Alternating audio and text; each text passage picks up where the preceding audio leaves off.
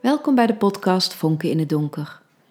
Korte verhalen en liedjes voor die momenten waarop je wel wat prikkeling of sprankeling kunt gebruiken.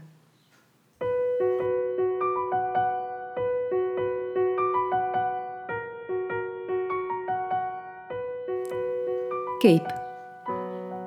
Ik mail naar Pim. Beste Pim, sorry dat ik je weer lastig val, maar ik weet me geen raad en misschien kun jij me helpen. Sinds ik me heb ziek gemeld slaap ik nauwelijks. Ik voel me continu gespannen en angstig. Mijn lichaam tintelt, trilt, trekt en doet pijn. Mijn hoofd maalt en ik ben ten einde raad. Ik weet dat jij het niet voor me kunt oplossen, maar ik merk ook dat ik het in mijn eentje niet trek. Ik ben bang dat ik nooit meer zal kunnen werken. Ik voel me buitengesloten van het normale leven en ik heb geen idee hoe ik hier ooit nog uit kan komen. Ik zoek naar geruststelling, hoop en perspectief en ik weet niet waar ik die kan vinden. Kun jij me advies geven? Groetjes, Eefje. Pim is misschien wel de enige persoon bij wie ik me niet schaam voor mijn wanhoop. Hij is in ieder geval de enige die ik erover durf te mailen sinds ik twee maanden geleden compleet ben ingestort en de diagnose burn-out heb gekregen. Toen ik anderhalf jaar geleden een project deed in Groningen en daar elke maandag tot en met donderdag was, had ik bij Pim de introductiecursus Zen-meditatie gevolgd. Buiten de wekelijkse cursusavond mochten we hem ook mailen met vragen wanneer we daar behoefte aan hadden. Hij was een vriendelijke, nuchtere en toegankelijke man die me altijd geruststelling en inzicht gaf op momenten van verwarring. Sinds ik weg was uit Groningen mailde ik hem nog af en toe en hij mailde altijd terug. Vijf minuten nadat ik hem gemaild heb, krijg ik een antwoord.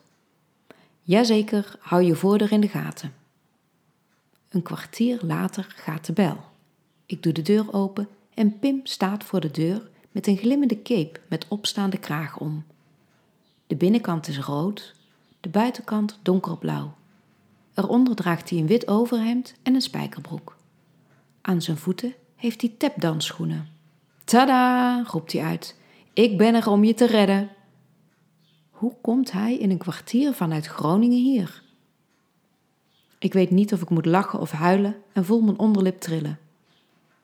Laat je me niet binnen? vraagt hij. Zonder iets te zeggen hou ik de deur voor hem open en hij loopt door naar de woonkamer.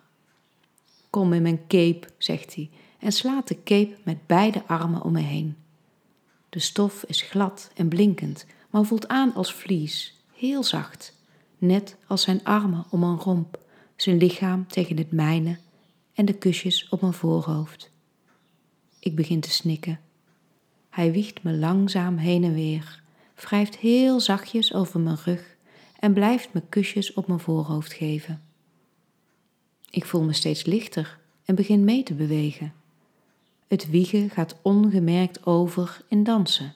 Het dansen gaat over in tapdansen. Ik begrijp niet hoe het kan, maar we tappen innig verstrengeld en alles is zacht en vloeiend, ondanks de ritmische passen en het tikken van onze voeten. Het lijkt even alsof we zweven. Dan staan we stil en Pim kijkt me vriendelijk aan. Gaat het weer een beetje? Ik knik met een glimlach om mijn lippen. Hij duwt er een zachte kus op, streelt teder mijn wang en zegt: Dan ga ik weer.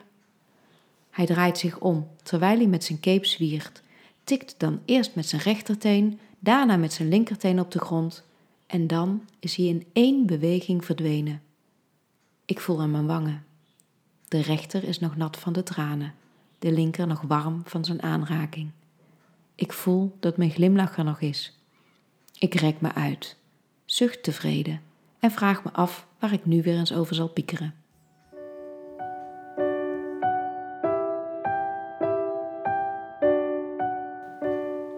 Je luisterde naar het verhaal Cape in de podcast Vonken in het Donker. De volgende aflevering is het verhaal Cheap. Graag tot dan!